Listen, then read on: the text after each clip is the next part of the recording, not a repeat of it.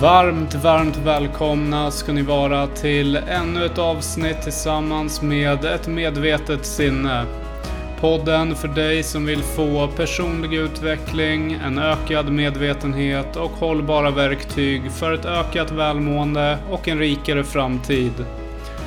För dig som är ny här, gå gärna in och följ podden för att enklare ta del av både tidigare och kommande avsnitt tillsammans med mig och inspirerande gäster.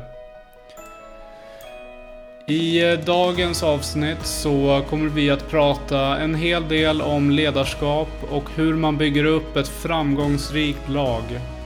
Vi har med oss den tidigare förbundskaptenen till Sveriges U21-lag som tog EM-guld 2015. Han blev årets ledare 2016. Han är föreläsare, coach och utsedd till en av Sveriges mest välklädda män vid två tillfällen. Varmt, varmt välkommen till dagens avsnitt Håkan Eriksson. Tack Patrik. Den sista var en rolig kläm du. Jag hittade den där på din eh, hemsida där. ja, herregud. Ja. Alla sådana eh, utmärkelser får man ta med en nypa salt. Men ja. det, det, är kul att få med i sådana sammanhang ibland också. Men du har ett eh, stort klädintresse eller? Och verkligen på hobbynivå. Det är inte så att jag studerar trender eller så, utan, men, men jag är intresserad av och kläder och gillar att gå och shoppa och sätta ihop min, min egen stil på olika sätt. Så, där. så det, det tycker jag är kul. Ja, härligt. Mm. Har du något tips till, liksom, är det någon färgkombination eller vad, hur, hur klär man sig väl?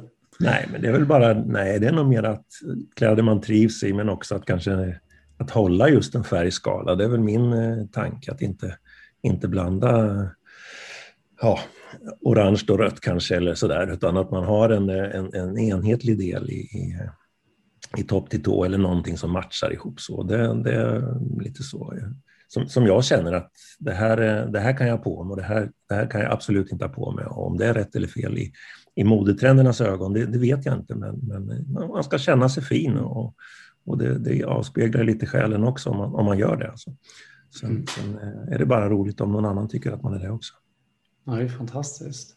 Man ska, det handlar ju om också att, att det var inte bara Sveriges mest klädda utan det var ju att man på något sätt syntes också så att, att det skulle bära fram någon slags klädmedvetenhet i Sverige och, och just de där åren så, så hade jag ju förmånen att, att vara lite uppmärksammad i media så det, det, är en kombination av, av, av de två sakerna givetvis. Mm. Vad tycker du om de här? En, det har ju varit en liten trend med såna här riktigt färgglada strumpor. Jag har ju själv det med så här ananaser och sen har jag inte så mycket Happy socks. Ja. ja. ja, nej det är nog inte riktigt min. Det, det, är väl ett par orange har jag haft som passar till ett par något sådana skor åt det hållet. Det har jag väl använt, men annars det är nog det färggladaste. Men inte så mycket, inte så mycket prickar och mönster faktiskt. Mm. Stilrent, enkelt. det vet jag inte. Det är roligt med de andra också, man blir glad när man ser dem. Ja, mm. ja härligt. Eh, jag tänkte att du skulle få kunna berätta lite kort om dig, om var du kommer ifrån och lite kring din uppväxt till att börja med. Jag kommer från ett litet samhälle utanför Norrköping som heter Åby. Och, ehm, ja, en, en liten, en liten Sörgårdsidyll kan jag tycka. Eh, ligger nära Bråviken och en storfin badsjö och, och, och, skolor som för det mesta i alla fall har varit väldigt mycket ordning på med, med eh, samhället så stort så att man känner de flesta och lärarna känner ens föräldrar och, och så. Så det har varit en trygg uppväxt tycker jag och, och även bra min mamma och pappa och jag brukar säga att jag har haft tre mammor. Jag har två systrar som är 14 och 9 år äldre än mig så att jag har varit lillkotten. Mm. Eh, på gott och ont, men ofta på gott. Ehm, sen, ehm, sen har jag haft en pappa då som eh, har varit eh, väldigt mycket i fotbollen. Jag har varit tränare på olika nivåer, eh, på allsvensk nivå och, och, och, även på landslagsnivå. Mm. Och även spelat och tagit några guldmedaljer där. Så, så fotbollen har, har, varit på något sätt, jag brukar säga att jag föddes med fotboll. Mm. Utan att de har tvingat på mig det där så, så, så, blev det något naturligt för mig att hålla mig till. Och så hade jag en fantastisk mamma då som, som egentligen i grund och botten var var en duktig sångerska och försökte göra karriär där, men, men eh, på, på, på, den tiden i alla fall så var det någon som var tvungen att hemma och sköta, sköta hushållet och hon valde den vägen och gav oss en, en väldigt fin trygghet i, i hela uppväxten. Så jag är, jag är, glad över min uppväxt och, och de relationer jag skapade. det låter väldigt fint. Det låter väldigt mm. fint. Pratade med en vän som jag var ute med häromdagen om det, just det här med att bo i ett samhälle där det kanske inte är jättemycket invånare, att det blir lite mer familjärt, alla känner alla. Det finns ju för och nackdelar med det också kanske med eh, rykten kanske sprids och alla vet vad man pysslar med. Men så är det. Så är det. Eh, generellt så tycker jag att det, jag har ju också växt upp i en liten ort i Flen. Ja. Eh, och det, är, det är likadant där. Läsbaraholm växte upp i och det är ju är det, tusen personer som bor där. Så det är inte, alla, alla vet ju vem man är. Mm. Nej, men det går väl också en, en, utveckling i livet också. När, man, när jag i alla fall kom upp runt kanske 18 och upp till 30 så tyckte man ju att det var världens håla och här kan man inte bo och man vill slå sig fri och allting sånt. Och då, för min del så blev det så att jag sökte mig upp till Stockholm och kom in på en utbildning där när jag var 22 eller 21 tror jag det var och, och var där uppe i 14 år. Eh, och sen fick jag familj och, och fru och barn. Och, och då börjar man längta efter den här stillsamheten och tryggheten igen och då flyttar vi tillbaka med familjen igen. Så, så att det, det, är olika episoder i livet. Mm. Verkligen. Och du har ju två, två barn själv. Det har jag, en, en, en av varje sort och mm. 90-talister båda två. Så att, eh, det, det, de, är, de är härliga. I mina ögon är de de bästa. Underbart, underbart. Härligt. Och jag tänkte där också, du nämnde det med att du föddes med en fotboll, lite så. Du har en pappa som spelar fotboll otroligt mycket och eh, var på hög nivå där. Det, eh, började du med det otroligt tidigt eller hur kommer det sig att du eh, blev ledare?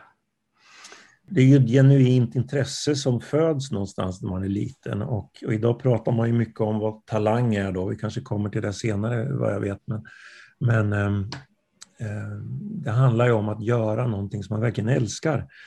och det gjorde jag med fotbollen. Vi bodde, tror jag, 200 meter från idrottsplatsen i Åby.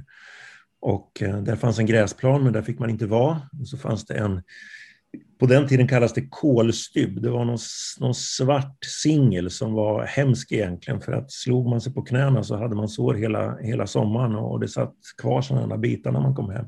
Men där bodde jag egentligen tio timmar om dagen i princip.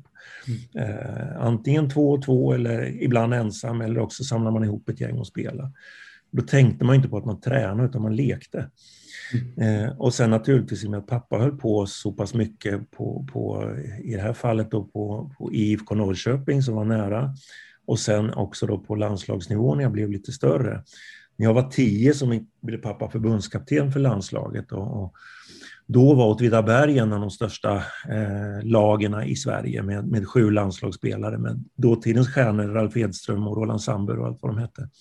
Och pappa åkte alltid på deras hemmamatcher och han var schysst nog och tog med mig. Så att jag fick en ganska tidig bild av vad det innebar med elitfotboll och en tidig bild av hur man hur pappa tycker jag var duktig på att han var inne efter matcherna och pratade med spelarna och jag fick stå där i ett hörn och lyssna och, och märkte att eh, de här samtalen var både ärliga, ibland uppmuntrande och ibland kritiska. Men ibland kom man också in på privata eh, samtal och förstod att de här tv-stjärnorna i mina ögon, det var vanliga människor det också. Och där någonstans tror jag att, att jag fick en väldig nytta av eh, när jag sen valde att bli ledare. Eh, att se människan först och främst och spelaren i andra hand. Mm. Eh, att jag blev ledare skulle nog ha blivit förr eller senare, det tror jag. Men, men eh, det, det, det, kom väldigt tidigt tack vare att jag åkte på en, en skada då. Så jag var redan, redan i 21-årsåldern så fick jag sluta spela fotboll. Lyckades aldrig komma tillbaks därifrån. Och då, då blev det en livskris för mig först och främst. Vad ska jag göra nu och hur ska jag hålla liv i fotbollen? Min identitet var fotbollen. Mm.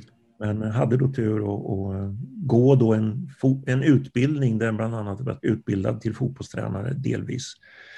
Plus att jag fick ta hand om ett seniorlag redan när jag var 23 år och, och, och fick gå den vägen då och, och, komma in i att, vad det innebär att, att vara fotbollstränare. Så att, eh, ibland är universum snäll emot en och ger en, ger en eh, nästa steg på något sätt gratis. Låter, ju, eh, låter fint. Och det, jag tänker på det, vi eh, pratade här lite innan avsnittet också, det här med skadan. Det var ju, jag kommer ju från Sparreholm, det är eh, granne med eh, Malmköping. Jag spelade ju fotboll i de här lagarna. Mm. Och du nämnde där att skadan kom av en Malmköpingsspelare. ja, jag fick en målvakt i, från Malmköping som jag faktiskt inte kommer ihåg namnet på över mig i en, i en närkamp i straffområdet. Och eh, han landade på mitt utsträckta ben och korsband och ledband gick all, all världens väg. Och, och, och, den skadan lyckades jag faktiskt aldrig riktigt komma tillbaks ifrån då. Det var, det var lite annorlunda på den tiden. Man öppnade hela knät och, och det var väldigt svårt att få upp rörlighet och, och så vidare. En del lyckades bra och jag lyckades mindre bra med det tyvärr. Mm. Så är det ibland. Det är fotboll i ett nötskal. Ja. Det, kan gå över på, det kan vara över på en sekund. Det kan gå fort och sen ja. så får man väl ändå på, på något sätt tacka lite för det i och med vad som hände efter. Alltså du har ju gjort det otroligt bra inom fotbollen på, på andra nivåer, andra platser. Det har, varit, det har varit som allt annat blandade resultat, men en, en del saker har varit lyckosamma. Det, det kan jag hålla med om. Och, och det är en, en mening med, med, med, mycket i livet och, och kanske ibland handlar det om också att, ta den chans som fortfarande finns då. Eh, det fanns inte chans för mig att vara spelare längre och då, då handlar det någon, någonstans om att när man har kommit över den chocken och, och, och den sorgen så, så, handlar det om att, att refokusera. Vad kan jag göra utifrån det här läget? Och, och, då, många gånger så kommer saker till ändå när man väl hittar en ny inriktning tycker jag. Mm. Men så är det ju verkligen. Jag tänker också det att när det väl inträffar någonting som man inte riktigt har planerat så är det ju en period av eh, självklart mycket känslor och tankar om eh, hur det inte blev eh, som man har tänkt sig. Och då, mm. då får man ju börja försöka hitta de andra vägarna och se vart man landar. Det finns alltid någonting spännande där ute. Ja, det, ibland är det lättare sagt än gjort, men jag tror det är ändå det enda vägen. För att mm. Annars blir man ju ett, offer för omständigheterna enbart och, och, då är det svårt att komma vidare. Mm. Sen finns det de som har mycket mera strategier, eller tragedier med att man inte kan spela fotboll, så jag är ödmjuk i, i, i den liknelsen mot många andra som, som, som har då råkat ut för många, mycket, mycket tuffare grejer givetvis. Men, men, men själva, själva tankesättet tror jag är applicerbart i, i, i, i, många, i många delar i livet. Mm. Och så länge man är hyfsat frisk och kry i alla fall så finns det alltid vägar ut. Mm. Och du, hur kom du ur det då? Liksom hur, hur hanterade du den situationen? Eh, nej men jag, ehm, för det första så, så ge, gav jag ju inte upp direkt utan jag hade ju ett, ett år där jag eh, la allt jag kunde på rehabträning och hade en mental bild av att jag ska spela fotboll igen. Men när det hade blivit en tre, fyra bakslag och jag kände att det här inte gick åt rätt håll. Och, och jag är väl lite så som person också, att jag vill gärna vara bra på det jag gör och jag hade insiktet, siktet ställt på allsvenskan minst. Jag var inte så bra, eh, har jag förstått efteråt, men just då så vägrade jag inse det.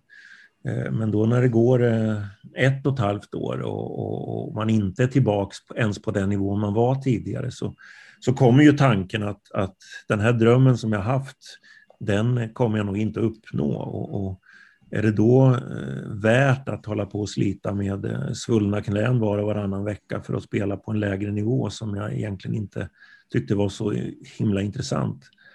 Eh, så då blir nästa del, vad kan jag göra istället? Men som sagt, ibland faller stjärnorna ihop. Jag, jag gick en utbildning som fritidsledare, men då fick man motsvarande, som det hette, de två första stegen i tränarutbildningen. Då, då var jag tillsammans med ett par tränare som var tränare på elitnivå då och, och, hörde deras diskussioner och hur mycket det fanns bakom fotbollen som, som jag inte hade en aning om när man var spelare. Man är väldigt, väldigt inriktad på sig själv och sin egen roll och sin prestation men så mycket planering som ligger bakom och hur får man ihop laget och hur kommunicerar man, hur lär man ut, hur scoutar man en motståndare, hur gör man en matchplan? Och det var ju jätteintressant helt plötsligt. Wow, mm. det här, det här går ju att, att, att göra någonting av och jobba med hur mycket man vill egentligen. Och då, då, då insåg jag att mitt stora intresse skulle kanaliseras dit istället.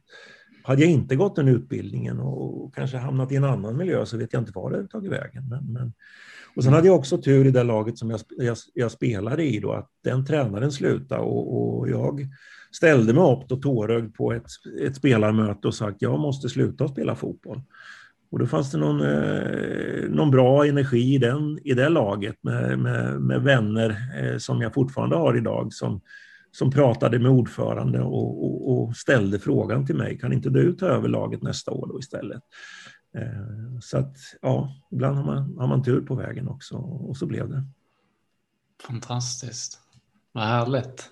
Det var lite speciellt att träna kompisar. Det var lite speciellt att träna de som var kanske 12-13 år äldre än mig då. Eh, och eh, det var några dråpliga situationer i, i början där som, som man fick ta ställning till. Är jag tränare eller är jag kompis? Men, men där någonstans så tror jag att jag bestämde mig att jag vill vara tränare på riktigt och då fick man ta en del obekväma beslut också. Ja, men jag kan tänka mig att den är lite svår just när man är bekant med de andra och sen så kliver du upp som ledare där. Eh, och mm. också som eh, mot de som är äldre. Så det, det, brukar ju oftast vara så att man, är man äldre så kanske man tror sig kunna allt redan. Och vad, vad har du att säga till om? Eller har du något exempel på liksom vad, vad som skedde där? Ja, ett exempel var att en av mina bästa vänner hade jag och min flickvän planerat en semesterresa med tillsammans med hans flickvän. Eh, tre dagar efter sista seriematchen innan sommar. Och han hade varit en eh, ordinarie spelare under våren men inte varit så bra de sista matcherna. Så eh, under den där sista veckan så kände jag att han har faktiskt inte förtjänat en plats i sista matchen. Och där kom ju ett, ett stort, eh, stort frågetecken i mig då. Ska jag rädda semestern eller ska, eller ska jag ta ut det lag som jag tror är bäst till nästa match då? Mm. Och, lite där, jag, som sagt, som jag sa, att jag bestämde mig att ska jag hålla på med det här så ska jag göra det ordentligt. Och om inte han ska spela enligt mitt tycke så ska han inte göra det. Så att jag petade honom till sista matchen och det är klart att det inte var populärt. Mm. Och det tog några dagar på semestern innan vi pratade med varandra ordentligt, men, men det gick över så småningom det också.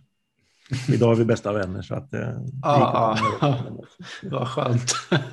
Det blev ingen fejd där med Nej, lite blev... Eh, arga miner kanske. Nej, men annars är det nog så som, som du är inne på också att man, precis som du säger, äldre och framförallt om man inte har varit spelare själv så, så får man ofta bevisa eh, varför man ska vara där. Eh, det har jag upplevt under ganska många år. Alltså ung och, och inte egna erfarenheter som spelare. Vad ska du kunna lära mig, precis som du säger? Och, och det, det, har varit, det har varit en tuff resa men också en otroligt lärorik resa. För, för du kan inte komma och svamla då, utan du måste vara väldigt förberedd och, och, och, jobba mycket med varför tycker jag att vi ska göra så här. Så att de förstår att jag ser ett sammanhang och försöka övertyga dem om det. Helt enkelt. Mm. Ja, du har ju gjort det otroligt bra i, alla fall med samband med det här EM-guldet som eh, Alltså, jag tror att jag är inte ensam om att man blev otroligt överraskad att eh, alltså, hur bra det gick. Det är ju helt fantastiskt. Jag är ju själv fotbollsfantast och det var ju bara så här, det var som en saga hela, hela resan. Helt otroligt. Ja, jo, men det, jag kan bara instämma. Det, jag kallar det för en regisserad resa med ett lyckligt slut på något sätt. För att eh, det var många pusselbitar som, som föll på plats. Och, väldigt sällan i livet så stämmer ju teori och praktik in, men i det här fallet så, så, så hade vi den turen hela vägen att det vi på något sätt hade förberett det, vi hade pratat om det, vi såg som möjligheter, det vi såg som faror, det, det, det inträffade och sen så hade spelarna en fantastisk förmåga att kunna omvandla det på enormt kort tid. Och, så att, och mycket tillfälligheter också. Jag tror vi avgjorde fyra matcher in från minut 85 och framåt exempelvis. Och, eh, ja, det är klart att det är en stor portion tur i det också, men, men också en del att vi hade en plan hur vi skulle agera i sådana situationer i slutet av matcherna. Så ofta är det en kombination av, av bra förberedelser och, och, och, förmåga att omsätta det praktiskt och sen en stor portion tur. Mm. Ja, det där med att avgöra på slutet är lite, i, i, min värld så är det Fergie time. Jag tänker alltid på Fergie time då. Ja, United. ja, Han är fantastisk, var fantastisk på det med sina lag, eller med sitt lag ska jag säga. Mm. Mm, verkligen. Vad var det som ni gjorde? Du nämnde där lite kring att ni gick igenom hinder och utmaningar och det var de som kom också. Att man var förberedd. Vad, hur förbereder man sig på de olika eventuella hinder och så vidare? Vi, vi försökte att, måla upp olika scenarion. Vi eh, hade bland annat ett dokument som, som vi hade tagit fram som ledare som vi delvis presenterar för spelarna, men, men eh, med den korta tid vi har så långt ifrån allt. Men vi hade planer för hur vi skulle göra, exempelvis i första matchen i EM så får vi en utvisning i minut 27 och Italien gör 1-0 på straff och vi är en man mindre än ett storlag mot Italien. Eh, och att då vara kreativ och bestämma hur ska vi göra nu, det är väldigt svårt för det är, det är lite tid och det är mycket tryck och det är svårt att kommunicera. Men då hade vi det här dokumentet som, som vi ska spela på ett speciellt sätt. Vi ska behålla vissa utgångspositioner, vi ska pressa åt det hållet och, och vi ska spela den typen av anfallsspel.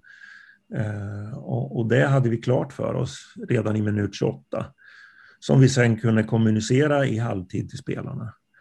Vi hade också som sagt eh, planer för hur, hur gör vi när det är fem, sex, sju minuter kvar och vi satsar allt på ett kort och göra det här avgörande målet. Och, och det lyckades vi avgöra åtminstone två eller nästan tre av de här fyra gångerna med en sån strategi.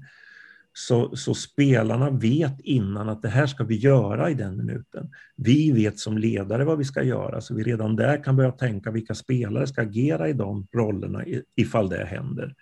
Och, och det är ett sätt att, att på något sätt se hinder och förutse att det kommer att hända saker som inte är normalt i en fotbollsmatch. Men sen hade vi också mentala förberedelser och det har jag lärt mig mycket av, av de coachingkurser jag har gått för Lars-Erik och Helene Unestål. Att, att, att se saker framåt i tiden som om det redan har hänt. Eh, och, och, och någonstans preparera hjärnan och se bilder av saker som inte har hänt men som har hänt på så sätt lura hjärnan att eh, det här har jag varit med om en gång förut och vänja, någon slags, eh, vänja nervsystemet vid att eh, så här ska vi agera nästa gång det händer. Och, och vi hade några sådana övningar som fick spelarna fick sätta sig in i också och, och, se hur vi, har, hur vi har vunnit matcher eller exempelvis inför straffarna mot Portugal så, så hade de fått läxan att bestäm var du ska slå straffen redan när du vilar i eftermiddag istället för att börja fundera på när du står på plan. Hur många som gör det, det, det, det, vet inte jag, men, men, men vi som ledare försökt att vara ett steg före hela tiden och, och jag kände att spelarna var med på de tankegångarna väldigt mycket och förstod värdet av det. Fantastiskt. Jag tror, jag tror väldigt mycket på det du nämner är väldigt bra framgångsfaktor till det hela. Att eh, just vara förberedd på både och. Både, både liksom hindren och utmaningarna som kommer men också att måla upp en bild av framgång, att lyckas. Det mm. handlar ju om att, som du, som du själv nämner, att liksom koppla, låta hjärnan koppla ihop att det redan har hänt. Eh, den kan ju inte riktigt skilja på bilder och verklighet. Eh, det finns ju jättemycket forskning på det som också stödjer liksom hur fantastiskt eh, bra det är att bara visualisera. Mm. Mm. Jag, jag, tror mycket på också att, att ta upp och prata om det man inte vill ska hända. För att eh, vad som man lätt gör det är att man sopar undan det här att man kan få stryk en fotbollsmatch eller Vi åker till EM och möter Italien, Portugal och England och, och allting pekar på att vi kommer hem utan en enda poäng. Att låtsas som att inte den faran finns, det, det, det blir bara falskt på något sätt. Så det, det, det, var något som vi pratade öppet om. Hur, hur gör vi då och, och, vad tror ni folks förväntningar runt omkring kommer att vara? Hur kommer du att hantera det? Har du förlorat fotbollsmatcher förut? Har du, har du underpresterat? Har du eh, åkt ur någon turnering förut? Och hur har du hanterat det? Och, och, och, hur ska du göra det om det händer? Att, att våga se det. Och jag tror att man gör då, det är att ta bort den här starkaste känslan som vi faktiskt har som människor. Det är ju en rädsla, en överlevnadsinstinkt. Och att göra upp med den och se den i vitögat eh, tror jag frigör mycket energi och utrymme och ger plats och se vad, vad vill jag egentligen ska hända? För jag vet att jag kommer att klara Jag ska inte ut i en strid där det handlar om liv och död. Utan det här är, det här är världsliga ting. Och, och inte göra det för stort. Eh, och, och, och sen som sagt tillåta det att, att koppla på de här häftiga bilderna av vad vi, vad vi faktiskt vill ska hända istället. Och det där grodde väl i gruppen, om jag nu refererar just till U21, mer och mer. Och det var spelare som började att prata om att vi kan faktiskt vinna det här. Och, och det var, hade till och med en spelare som, som heter John Guidetti som är ute på, på eh, Uefas hemsida och sa att jag tror vi vinner EM. Och jag vet inte vad oddset var att Sverige skulle göra det och ingen annan som trodde det i hela Europa heller. Och jag hade blivit jättearg på, på John för kanske tio år tidigare och, och känt så här att prestera först och snacka sen grabben. Det är det klassiska tänket. Men, men eh, efter att ha gått i, som sagt, eh, Lars-Eriks skola här, att du måste våga se vad som, om du vill ska hända. Och det hade John redan gjort på sitt sätt. Och han smittade ju av sig, så det fanns ju några till i gruppen som började säga ja, vi kan göra det, vi kan göra det. Och då fick vi lägga band på oss, vi som ledare, och säga att sätt inga begränsningar. De här, de här tokstollarna tror att det kan gå. Det är klart att de ska få tro det. Och, och, eh, det tror jag var en av de viktiga faktorerna, att vi internt vågar prata om det. Sen försökte vi vara restriktiva och gå ut och prata externt med det, men, men, men John sätter man inte munkavel på, utan han, han pratar så mycket som han vill och i det här fallet så var det, var det väldigt positivt att han gjorde det. Det är fantastiskt. Jag tror också att det, det är någonting som verkligen är Alltså, hans, han har ju en otrolig energi, John Guidetti. Han är ju, han, när han säger att han tror att vi, vi kommer ta hem hela skiten, då menar ju han det. Man hör ju det på honom rakt igenom. Mm. det finns ingen tvivel där. Nej, det är skillnad på en supermediatränad som säger det för att man måste, men, men, när det kommer från hjärtat då blir det trovärdigt på något sätt. Och det innebär att han också är modig nog att ta emot all skit han kommer att få efteråt, om vi inte gör det, om vi åker hem med noll poäng. Så klart att, att det flödet han kommer att möta då med, med hån och allting, det är han beredd att ta. För han har redan eh, gjort klart för sig själv att jag kommer att klara det. Och då kan man också vara lite lite kaxig men också tro att det är möjligt. Och jag, jag tror någonstans att, att det skiljer vinnare från nästan vinnare. Att mm. man vågar fejsa förlusten tillräckligt mycket för att också våga vinna. Liksom. Mm. Så det, det, är något som jag också lärde mig på vägen av, av de här killarna. Mm. Superbra. Sen hörde jag också att ni använder någon annan form av teknik med var det andningen som som du också hade tagit in där? Ja, vi jobbar med något som heter HRV, Heart eh, Rate Variability. Och egentligen så, så, kan man säga att det är en, en, eh, ett sätt att reglera sitt tillstånd. Eh, det gör man ju med den mentala träningen, men jag kände att det var för kort tid att introducera ett längre mentalt träningsprogram på den lilla tid vi hade på oss. Jag, jag förfogar ju inte över spelarna för er som inte är så insatta i fotboll. Att vi lånar ju bara spelarna 9-10 dagar per samling. Sen är de hemma i sina klubbar allt från en till tre månader och klubbarna bestämmer över deras träning och deras vardag. Så, så att jag kan egentligen bara jobba med dem under tiden som, som vi har dem samlade. Och då hittade jag den här metoden som var en liten mix av mental träning men också att på kort sikt kunna få en biofeedback på är jag i ett bra tillstånd eller inte. Och, det bygger egentligen på att man, man eh, andas, eh, djupandas eller, eller ökar sin, sin utandning för att antingen dra ner sin energi eller dra upp sin energi. Och I det här fallet så kunde man mäta det med en liten sensor på, på örat som, som gav signaler om, om du var i koherens som man kallar det, eller om du var i ett annat state. Också om jag trodde att jag var fokuserad men hade tankarna på något annat ställe så, så gav det utslag. Så det blev en slags träning att är jag här och nu? Och hur kan jag då, om jag är eh, överallt, hur kan jag snabbt sätta mig i här och nu-läget? Eh, hur kan jag ehm, ta kontroll över min, min frustration i en situation på fotbollsplanen genom att snabbt börja djupandas? Hur kan jag som tränare, fast jag också är nervös, jag åker till en match, se till att jag är i total koherens när jag kliver in i omklädningsrummet och signalerar lugn eh, genom att träna på det sättet i, i, i, i några minuter fast jag har vant mig och gjort det varje dag under ett antal månader. Så det blev ett, ett hjälpmedel som jag använde och som en, en del spelare använde mycket och en del lite och några kanske inte alls. Men, men jag upplever att, att jag hade väldigt stor nytta av det och jag upplever också att många spelare som kanske överpresterar i det här mästerskapet hade använt sig mycket av den här metoden. Och, och dels naturligtvis att någon uppmärksammar deras inre, bara det är ju, är ju, är ju värt nog. En utomstående person som, som inte de är helt beroende av.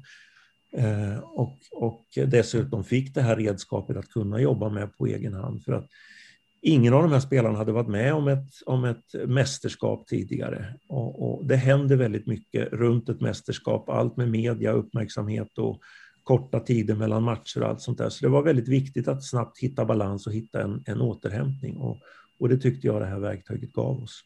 Mm. Ja, det är fantastiskt. Jag tänker också på, uh, fanns, uh, fanns det någonting annat som ni gjorde sån här, uh, alltså hade ni något knep inför vissa matcher eller eh, Alltså pratar man mycket om att så här punktmarkera någon annan spelare eller hur funkar det? Om man nu kommer in lite på fotbollstermer så, så, bygger, vårt, så bygger vårt försvarsspel på en, en kollektivism mer, att, att vi gör saker ihop istället för att utsätta oss för för många en mot en situationer. Mm. Så, så, så, istället mot riktigt bra motståndare att, att försöka vara väldigt samlade och skapa så lite ytor mellan oss eh, och, och innanför oss om man säger så. Mm. Men, men visst hade vi några sådana. Vi hade bland annat i, i, i finalen mot mot Portugal så, så fanns det en spelare som hette William Carvalho som, som stod för 80 procent av deras speluppbyggnad och, och, och passningar. Han, han, blev turneringens bästa spelare. Han var EM-mästare med riktiga landslaget året efter. Men, men där hade våran scout sagt att vi måste på något sätt stänga honom. Så där hade vi en, eh, en, en strategi att John och, och Isak Kiese som spelar forward, de fick dela på det ansvaret. Att när de hade passerat dem och låg i, i, i tryck mot oss så, så hade vi en av forward som hela tiden följde William Carvalho. Och vi har faktiskt ett roligt klipp på det när han under matchen frågar Isak Kiese vad, vad gör du så här långt ner i planen? Och då svarar Kisa, har vi fått reda på efteråt, ja men coachen vill ha mig här jämte dig. Och så slog de ut med armarna båda två och så fortsatte de att spela. Och, och, och, vi fick faktiskt den effekten att han var inte så himla delaktig i den matchen och dessutom så, så var det faktiskt han som missade den sista avgörande straffen. Så att, så att eh, mm. scouten Reine Almqvist hade gjort ett fantastiskt jobb där och gav oss den informationen som behövdes. Det är fantastiskt bra jobbat. Och 2016 eh, så blev du också utsedd till årets ledare under Idrottsgalan. Vad har du för absolut främsta tips att vara en bra eh, eller att bli en bra ledare? Och det här med att just få ihop ett lag, alltså att, eh, att skapa liksom det här lagkänslan och få, få ett eh, bra samarbete. Hur, vad är nycklarna till att få, få det att funka? Ja, det finns, det finns nog många metoder tror jag. Och jag tror också att det varierar från grupp till grupp och naturligtvis från ledare till ledare. Eh, men om man börjar med ledaren så tror jag att att vara medveten om sina grundvärderingar och leva den så mycket som möjligt och inte försöka vara någon annan än vad man är eller göra någonting som man inte tror på. Att inte försöka för mycket passa in i en, i en mall som folk förväntar sig att det ska vara. Eh, det tar för mycket energi och du blir avslöjad väldigt snabbt. Det finns liksom inga mallar utan din mall är din mall. Och, och, väljer ett företag att ha dig som ledare eller en förening har dig som ledare så förhoppningsvis vet de någonting om dig och har valt dig just därför att du är den du är. Och känna trygghet i det. Ehm, det andra tror jag är att, att ha en tydlig bild vad du vill åstadkomma på vilket sätt och bestämma dig för att hur du ska presentera det så att det blir så trovärdigt och förståeligt som möjligt. Och ha några viktiga ramar att de här viker jag mig inte på. Men också andra ramar att de här är diskutabara och flexibla. För att få med en grupp så måste du också skapa en, eh, en, en delaktighet i den här beslutsprocessen. När du väl, och ni helst tillsammans, har bestämt en riktning alltid, alltid, alltid motivera med varför. Och inte bara en gång, utan ständigt. Så att man hjälper alla att se sammanhanget i vad vi håller på med. Och naturligtvis också vara på något sätt relationsbyggare. Även om du inte är jätteextrovert så, så måste du våga ta dels prata inför en större samling och, och, och gärna erkänna att du är otrygg men ändå våga göra det. Eh, men också våga ta face to face samtal och göra det så ärligt som möjligt. Där du har någonting på din agenda som du vill eh, leverera men också lyssna vad den mottagaren har för, för önskemål och sen ta ett beslut. Och när du väl tar beslutet, eh, meddela det så, så rakt och ärligt som möjligt, men med kärlek och omtanke. Ehm, det är många tuffa samtal man får ta som fotbollstränare, för alla vill spela. Eh, men det enda jag kan göra det är att förstå att den här spelaren som inte får spela blir ledsen. Han kan bli sårad. Och, och, att lämna honom eller henne med så lite frågor som möjligt. Du spelar inte därför att vet, då vet i alla fall den berörde vad det beror på. Får man ingen förklaring så står man med tusen frågor. Är jag för långsam? Har jag för dålig passningsfot? Är jag för otrevlig? Pratar jag för mycket? Eh, ser jag inte tillräckligt glad ut? Alltså allting man kan gå in på det personliga och det skapar en enorm osäkerhet. Och där tror jag att, att om man överför det till näringslivet, att det finns en, en otrolig vinst att göra genom att skapa små enheter där det finns en, en teamledare som kan ge dig tydliga varför-svar på saker och ting. Och i den bästa världar skapa en sån känsla i teamet så att teammedlemmarna kan börja coacha varandra. För då har du avlastat dig själv väldigt mycket som ledare. Eh, men tro inte att du kan vara en företagsledare med 500 anställda och var, eh, få en uppställning av alla individer. Du måste delegera det ansvaret till teamledare som både har ansvar och befogenheter att kunna leda det här teamet. Och då tror jag du kan nå individen även om du själv som chef inte har möjlighet att nå alla med en personlig relation. Det, det tror jag är en framgångsfaktor både inom idrott och, och näringslivet faktiskt. För någonstans så så berör vi de mänskliga behoven då. Det är att bli sedd och bli hörd och få en motivering till eh, vad finns jag i det stora hela? Vad betyder min arbetsinsats? Eh, finns det skillnad på en bra eller dålig arbetsdag? Varför är den bra eller dålig? Liksom? Då tror jag man skapar en motivation hos varje individ och då, då, då kan du också nå stora, stora framgångar även med, med företaget eller laget eller organisationen, vad vi nu pratar om för något den här formen har, har jag fastnat för och, och, kanske blivit trygg i kanske de sista tio åren. För det tar ett tag innan man hittar sin modell. Jag har gjort otroligt många saker som inte har slagit väl ut och man får kalla det misstag men lärprocesser eller vad man nu nämner. Jag har försökt att vara hård, jag har försökt att vara för mjuk, jag har försökt att, att likna någon annan och så vidare under vägen och gått på riktiga beter.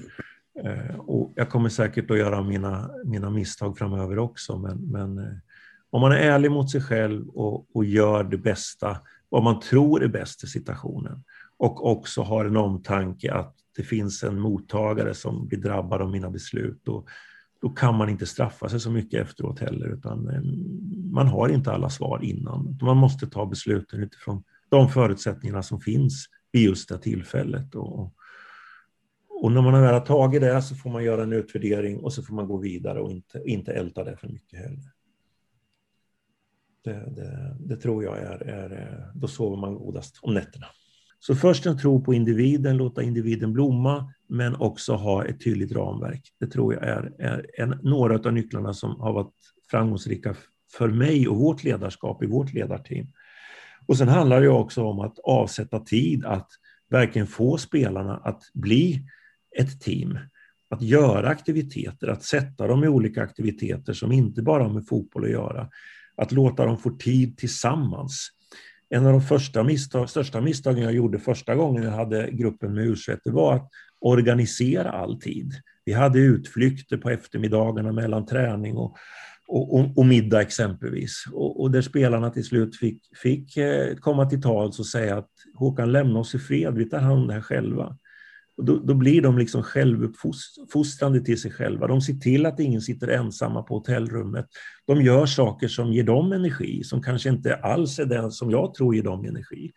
Och på då, så sätt så ger man ett förtroende till dem som de då var beredda att ta.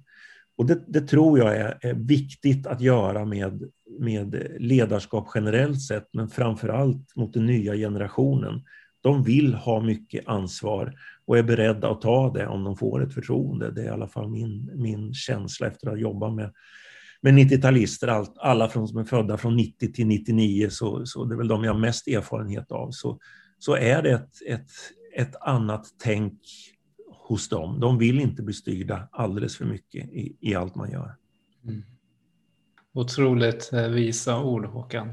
Det här med 90-talister är ju verkligen, eh, alltså det har ju varit eh, tidigare kanske lite mer just skriverier om lathet och en annorlunda attityd. Det, det är inte som, som tidigare generation direkt. Eh, och hur, hur ser du på det liksom med att, du, du nämner ju det nu, att liksom ge dem förtroende och så, men vad, vad ser du för skillnad på liksom att leda eller motivera en 90-talist jämfört med en, eh, en äldre generation? Mm. Det där blev ju en wake-up call för mig.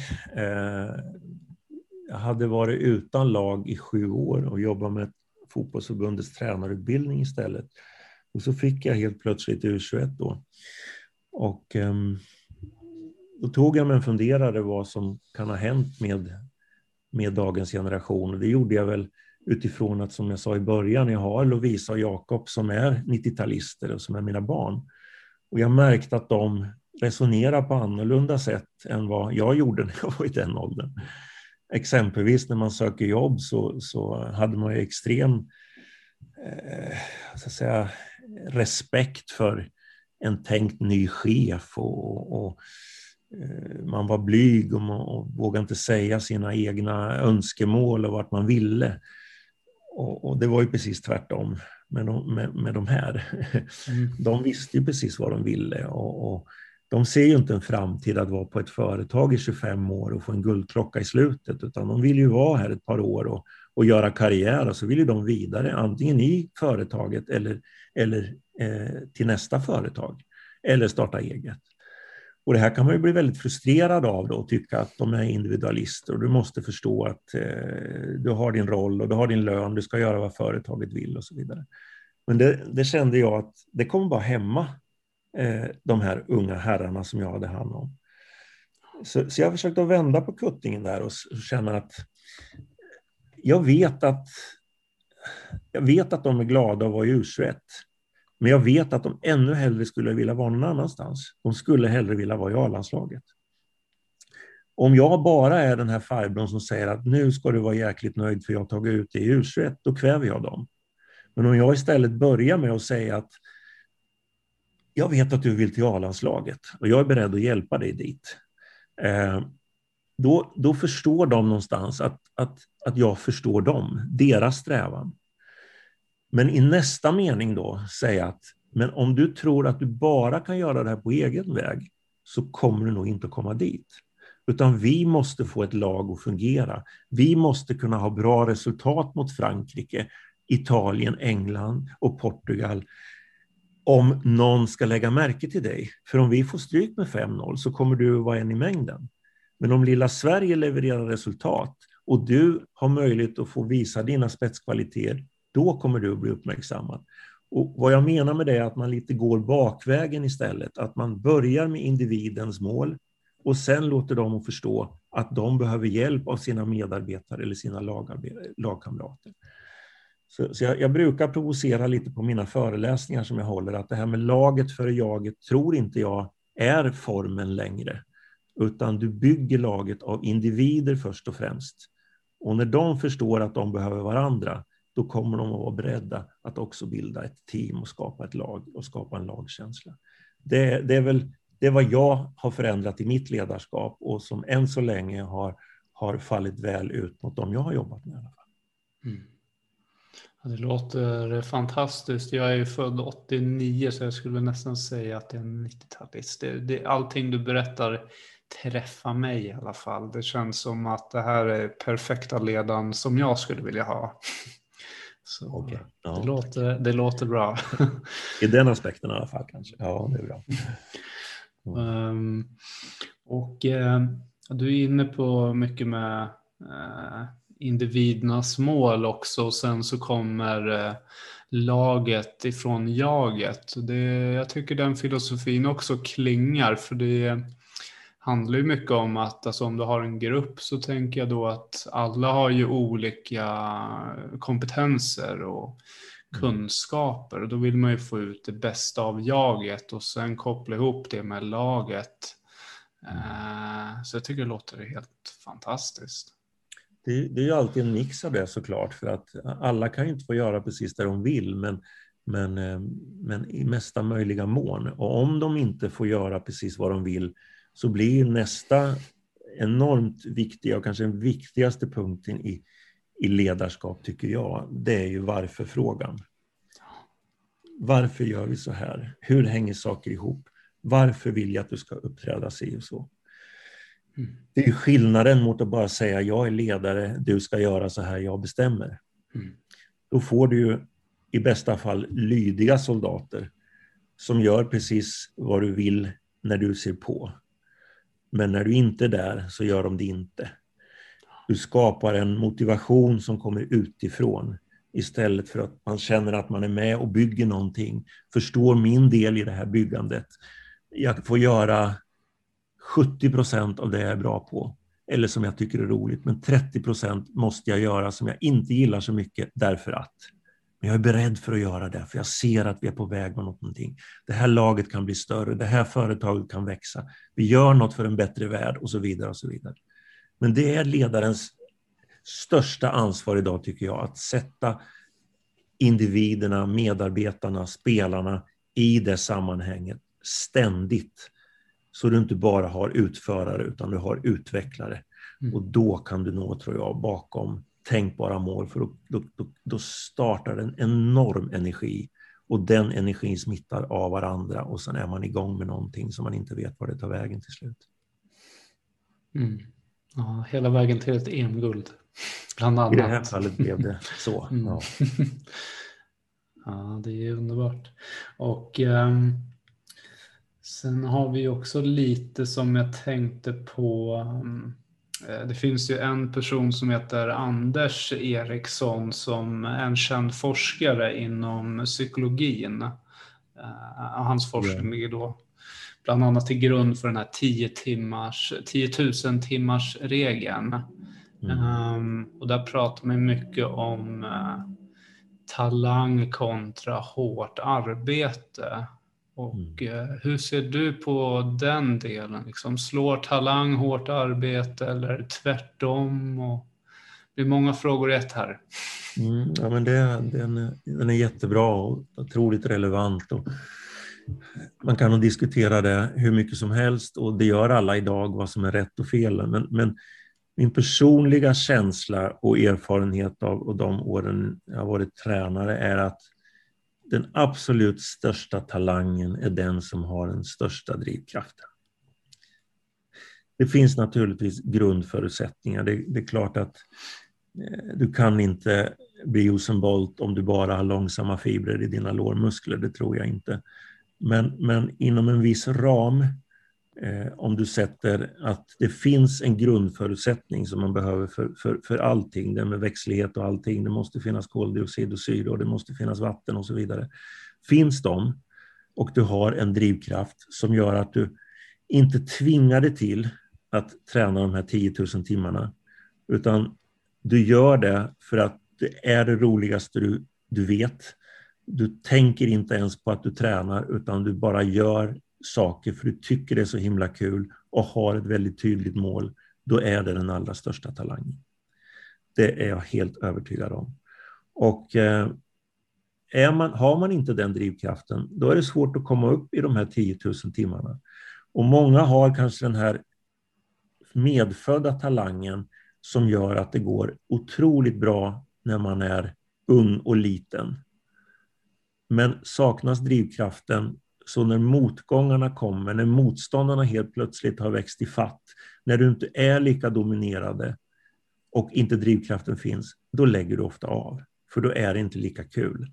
Då drivs du av den externa uppmärksamheten istället för den interna drivkraften. Och då tror jag inte du orkar hela vägen. Eh, sen finns det de som har både och. Eh, som både har eh, talang och en inre drivkraft och då blir man kanske på Zlatan och, och, och Messi-nivå och Ronaldo-nivå. Men jag tror att man kan komma väldigt, väldigt högt upp om man tittar till fotboll, om man är beredd att underkasta sig eh, den träning och man gör det med vilja. Jag har flera som jag, exempel som jag tycker i, i U21 som kanske inte har den allra bästa fysiska förutsättningarna att, att spela på landslag, men de gör det tack vare att de har varit så otroligt målmedvetna ända sedan de var små jag tror också att närmiljön spelar väldigt stor roll. Att, att, eh, att man har en miljö som uppmuntrar, som ser till att du får kost och återhämtning, att du får en annan, något annat intresse, en balans i livet och inte bara identifiera det med prestationen i fotboll. Det tror jag är jätteviktigt. Och så finns det extremerna som sagt som, som, som Zlatan har skrivit om i sin bok, att han inte hade mat i kylskåpet när han kom hem det enda han kunde göra var att gå ut och nöta på grusplanen där. Eh, och, och, och, de, är, eh, de är extrema eh, och, och Zlatan är en sån vad jag, kan, vad jag har lärt känna honom. Mm. Ja, Zlatan är ju helt otrolig. Jag tänker bara på allt han har åstadkommit och hans liksom mentala attityd som han har. Han har ju det finns ju de som kallar honom arrogant och eh, annat också, som inte är en lagspelare utan en ego, e egoist. Eh, jag, ser, jag ser ju honom som en person som har en så stark mental inställning att oavsett vad eh, vara bäst, både individuellt men med det laget han spelar i. Så jag tycker han helt otrolig och comebacken från skadan han fick i United är ju också helt otrolig. Uh, och nu är han tyvärr skadad igen. I alla fall inte en man som letar efter ursäkter utan uh, han bestämmer sig och så gör han allt han kan.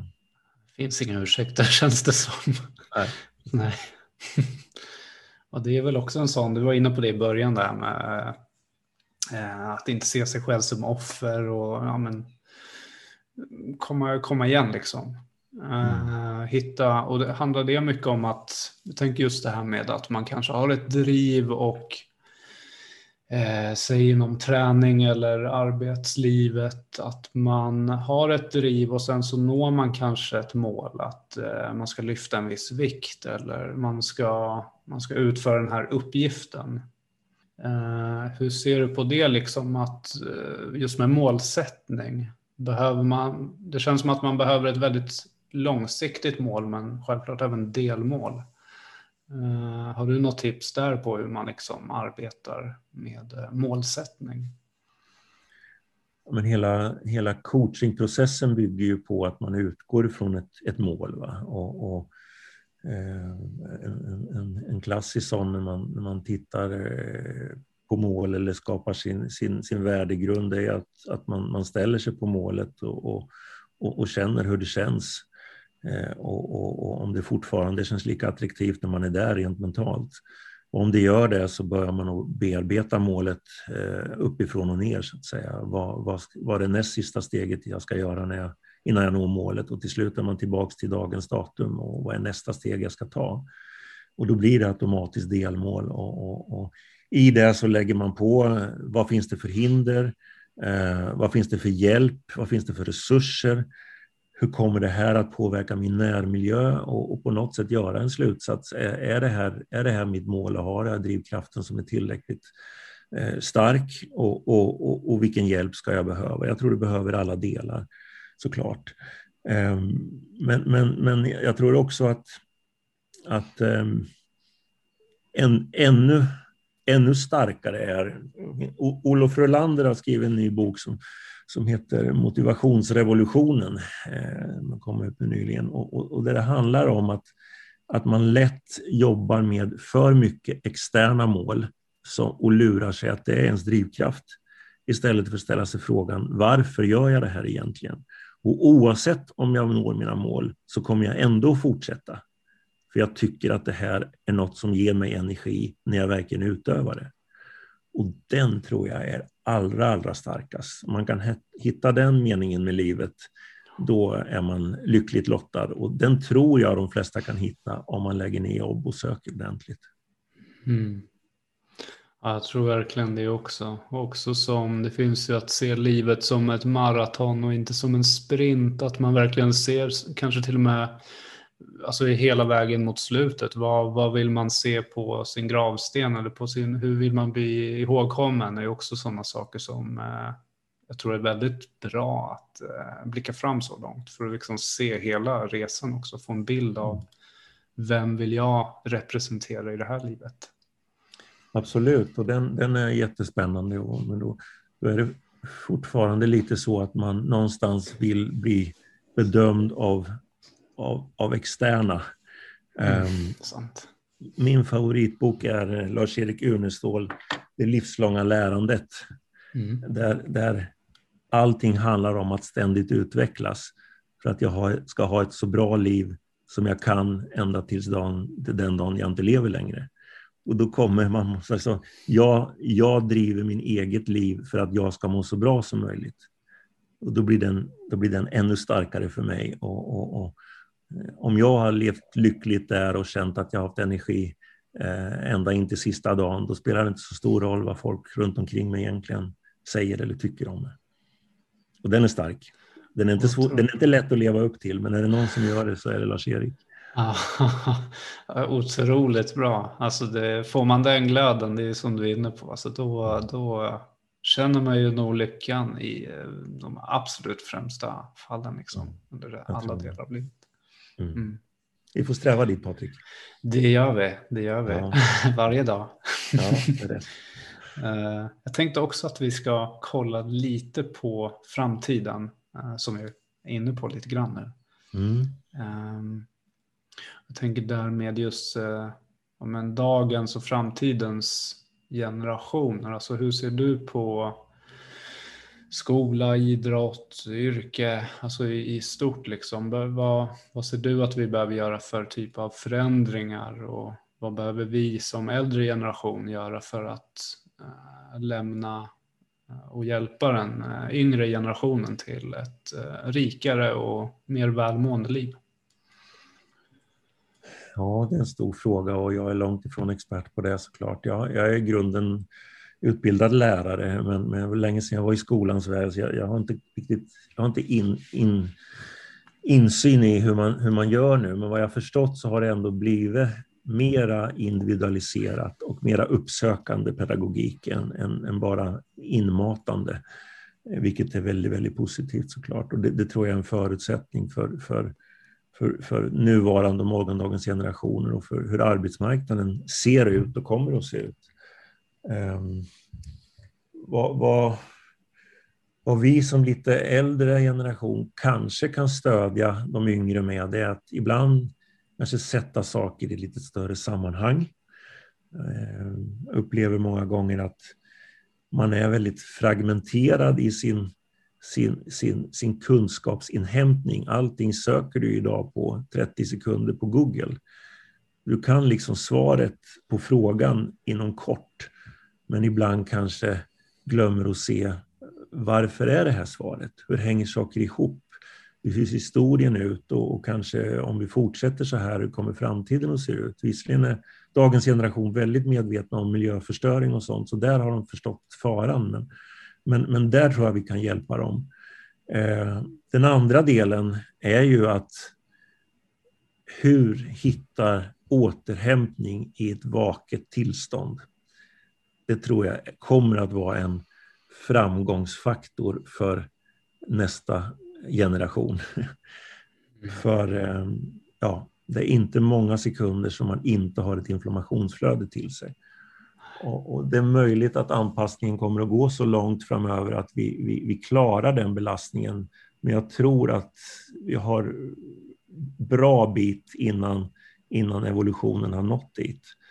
Och, och, och just den här förmågan att, att ägna sig åt sig själv och, och, komma i eh, här och nu-läge och tillåtas att koppla av utan att behöva orientera som omvärlden. Det tror jag är nyckel och, på, på, olika sätt eh, få dem att ta in det i sitt schema. Eh, och, och, jag har fallit i den fällan själv under mitt liv och varit utbränd och allting sånt här. Så att, jag låter som en klok farbror som inte alltid lever det. Eh, men, men eh, i alla fall så tror jag att det är en, en, en viktig parameter att ha med sig. Mm. Men det, det kan ju vara också kanske du, eh, om du själv har varit utbränd så kan ju den lärdomen kommit av kanske det då. Att du, mm. du kanske eh, jobbade alldeles för hårt och inte, du glömde helt enkelt bort att pausa. Kan det vara Absolut. det? Mm. Mm. Ja, jag tror också det är, för det är otroligt mycket sociala medier och, och liknande som eh, Alltså du, du, är ju uppkopplad ständigt både i den digitala och den fysiska världen så det blir otroligt eh, svårt att hinna liksom landa eller ha en djup diskussion eller de här eh, sikta på långvariga mål eller och så vidare. Det är väldigt mycket kortsiktigt känns det som. Um, ja. Um och våga hålla sig till sin linje fast man blir så ständigt påverkad av olika saker. Det, det, tror jag är också väldigt tufft att vara ung idag. Att det här är jag, det här är mina styrkor, det här är jag inte bra på.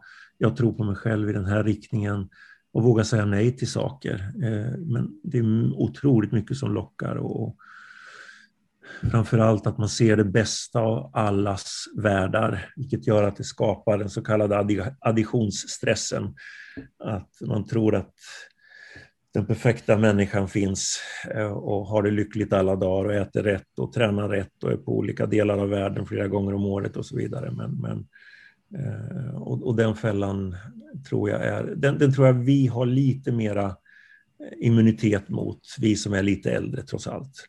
Men jag har full förståelse att den yngre generationen lätt hamnar där och, och och tycker att man måste vara topp i alla parametrar jämt. Och det, det skapar ju naturligtvis en otillräcklighet och då blir det också svårt att hitta återhämtning.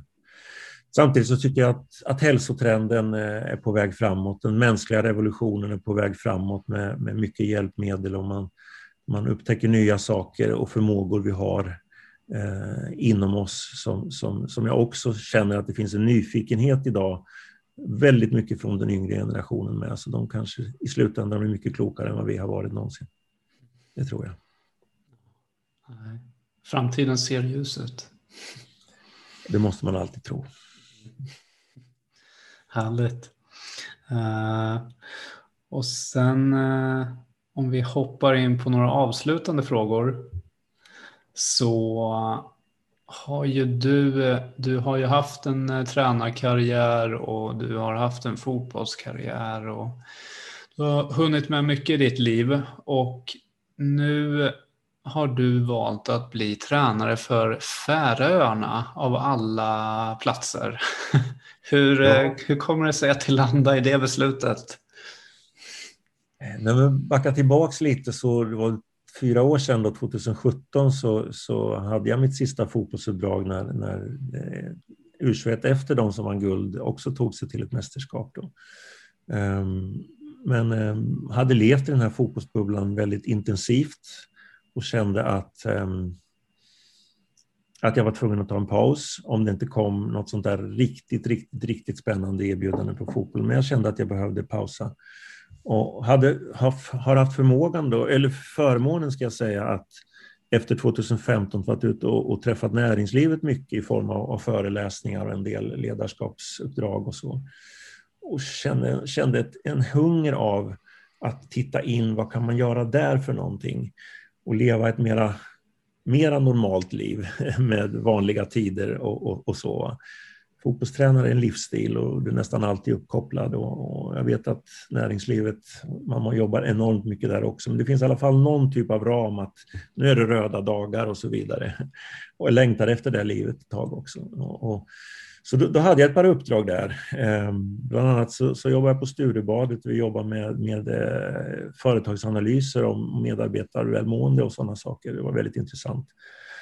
Men, men, när det hade gått ett par år så, så började det kittla i fotbollstarmen igen och, och, kände att jag är inte klar med det här. Och, mm. och då är det det där med universum igen. Då, då, då, kom det ett samtal att om jag skulle vara intresserad av att träna landslag igen. Och landslaget var Färöarna. Och första var då, men det är mission impossible, min första tanke. Eh, men, men eh, har väl ändå sagt att stäng ingen dörr förrän, förrän det, man har tittat in i den. Och, och, hade faktiskt, jag var väldigt faktiskt nära att vara, visade till slut, väldigt nära att bli förbundskapten för Indien ett halvår tidigare.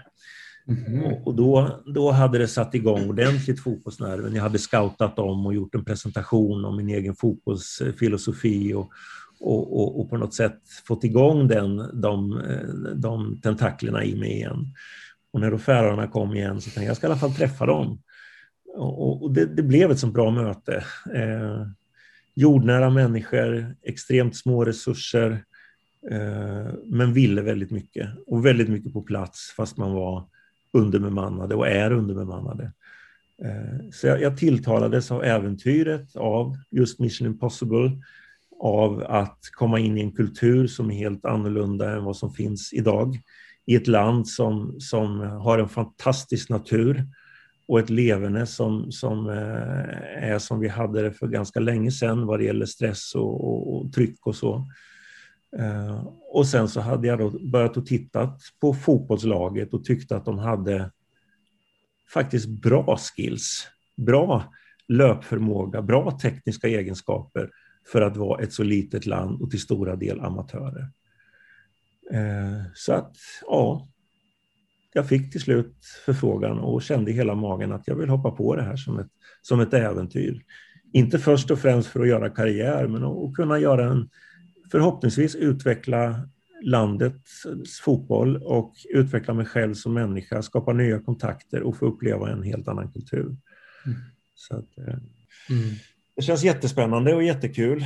Eh, sen så som alla andra drabbats av coronan så det har varit svårt mm. naturligtvis att, att vara där tillräckligt mycket. Att jag fick träffa spelarna första gången tre dagar före första tävlingsmatchen istället för att vara iväg på två träningsläger och, och kunna jobba med dem i, i 20 dagar, vilket hade varit normalt och så där. Så det ställer ju sina krav.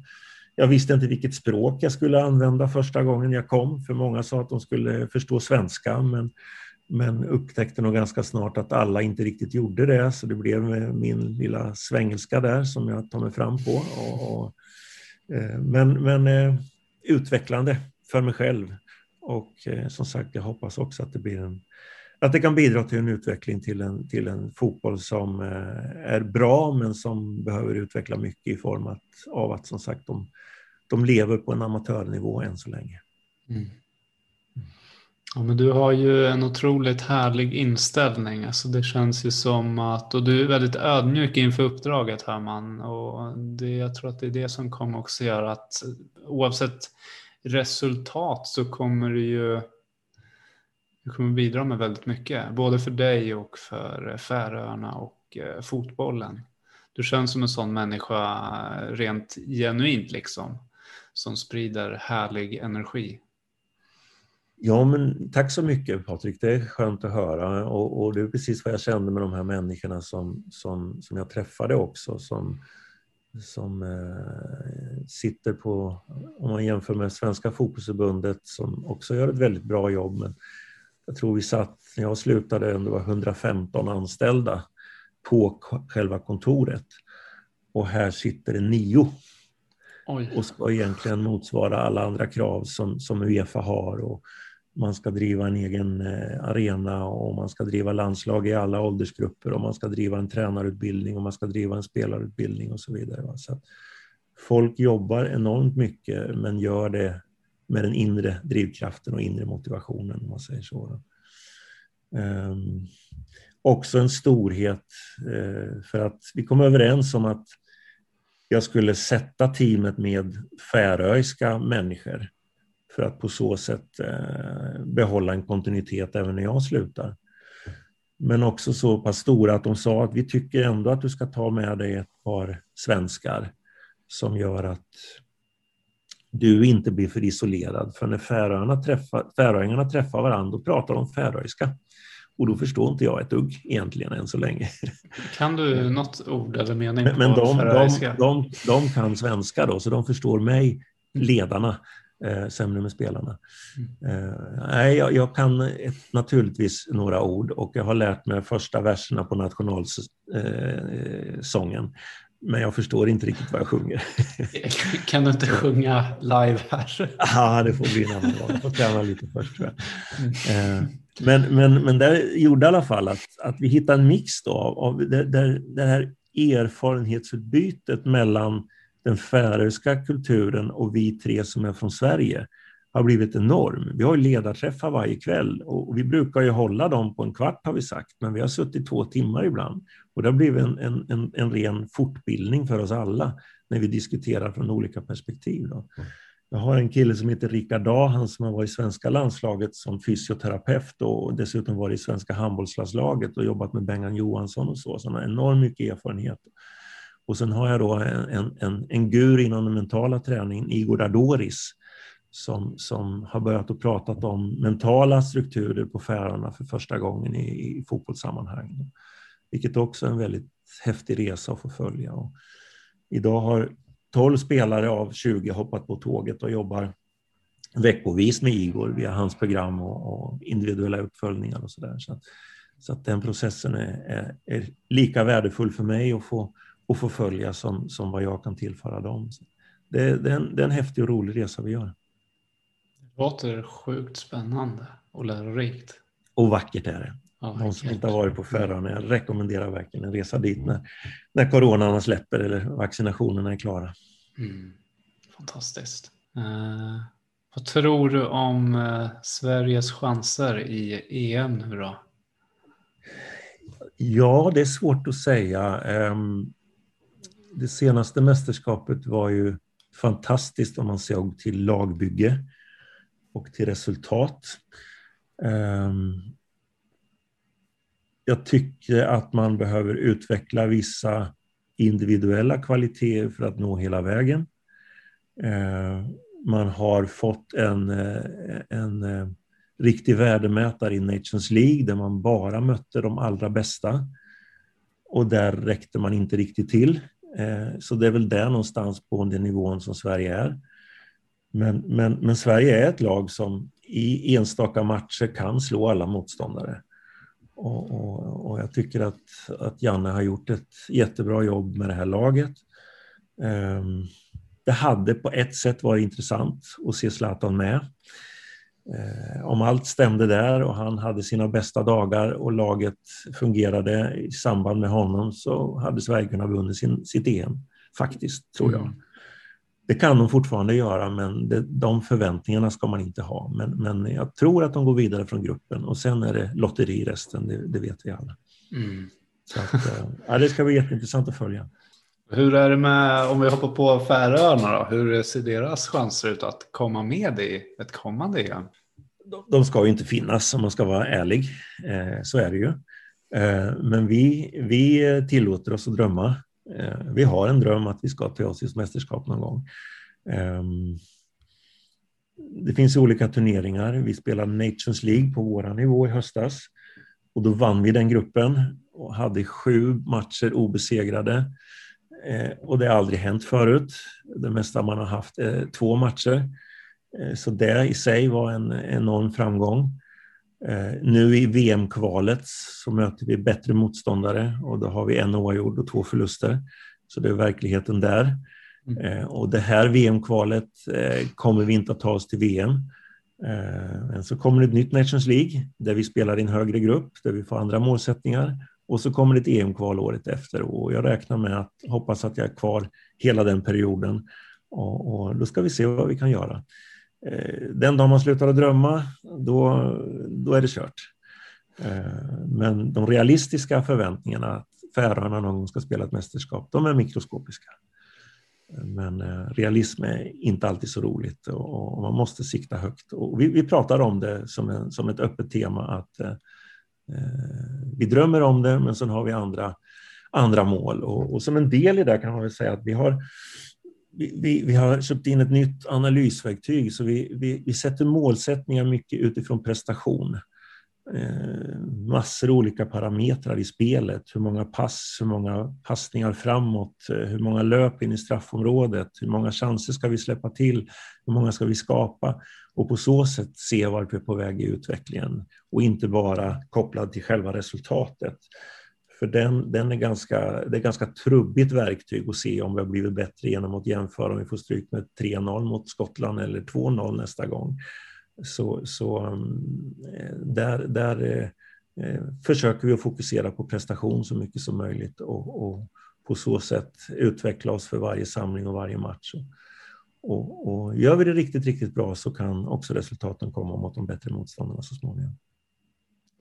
Fantastiskt. Låt oss drömma och eh, det ska bli så otroligt spännande att följa både din resa och kommande EM. Och eh, du är ju också författare eller medförfattare till boken Om vägen till guld eller Omvägen till guld. Eh, skulle du kunna berätta lite om den här boken? Ja, men det är en, eh, en, en, berättelse om hur det här laget från början eh, låg ganska dåligt till i sin kvalgrupp och sen till slut lyckades vi gå hela vägen. Så att det är en bok som sagt om vägen. Man kan också säga att det är om vägen för det var en ganska lång omväg innan vi kom dit. Och huvudförfattare som, som led hela, ledde hela projektet eh, heter Håkan Wallenius. Och upp, uppmanaren till att skriva boken var faktiskt Lars-Erik Unestål som sammanförde mig och Håkan Wallenius på hans eh, kursgård nere i Thailand en kväll. Som sa att du ska träffa en person. Och eh, han var också gammal fotbollstränare och skrev en tidning i Thailand för svenskar, så han är en författare, eh, författare journalist i botten. Så vi vart satta där på hans terrass och några timmar senare så var det beslutat att vi skulle skriva den här boken. Och är någon intresserad så finns den på förlaget Buena Vida och, och eh, den berättar vår resa men också en hel del om, om, om ledarskapstankar som, som jag har. Då. Och för de som vill komma i kontakt med dig, vart kan man vända sig då? Det enklaste är en, eh, hemsidan eller info.hakaneriksson.se. Och I och med att jag heter så vanligt i efternamn så bestämde sig pappa att vi ska stava med C och ett S. Mm. Eriksson med C och ett S. Mm.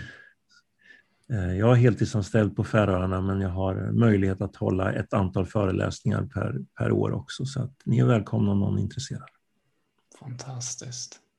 Jag vill också passa på att säga stort, stort tack för allt som du delar. Du har otroligt mycket bra saker att dela med dig om. Så stort, stort tack för din medverkan. Jag tror det lockar fram mycket Patrik, för jag har hört några andra poddar och det är mycket klokskap som sägs på den här podden. Så beröm till dig också. Och tack för att jag fått vara med. Stort tack.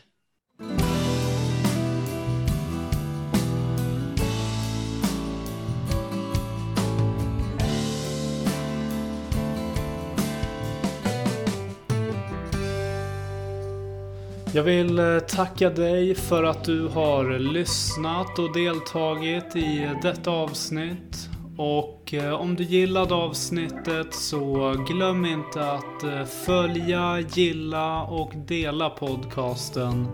För att också bidra med att göra den synlig för andra.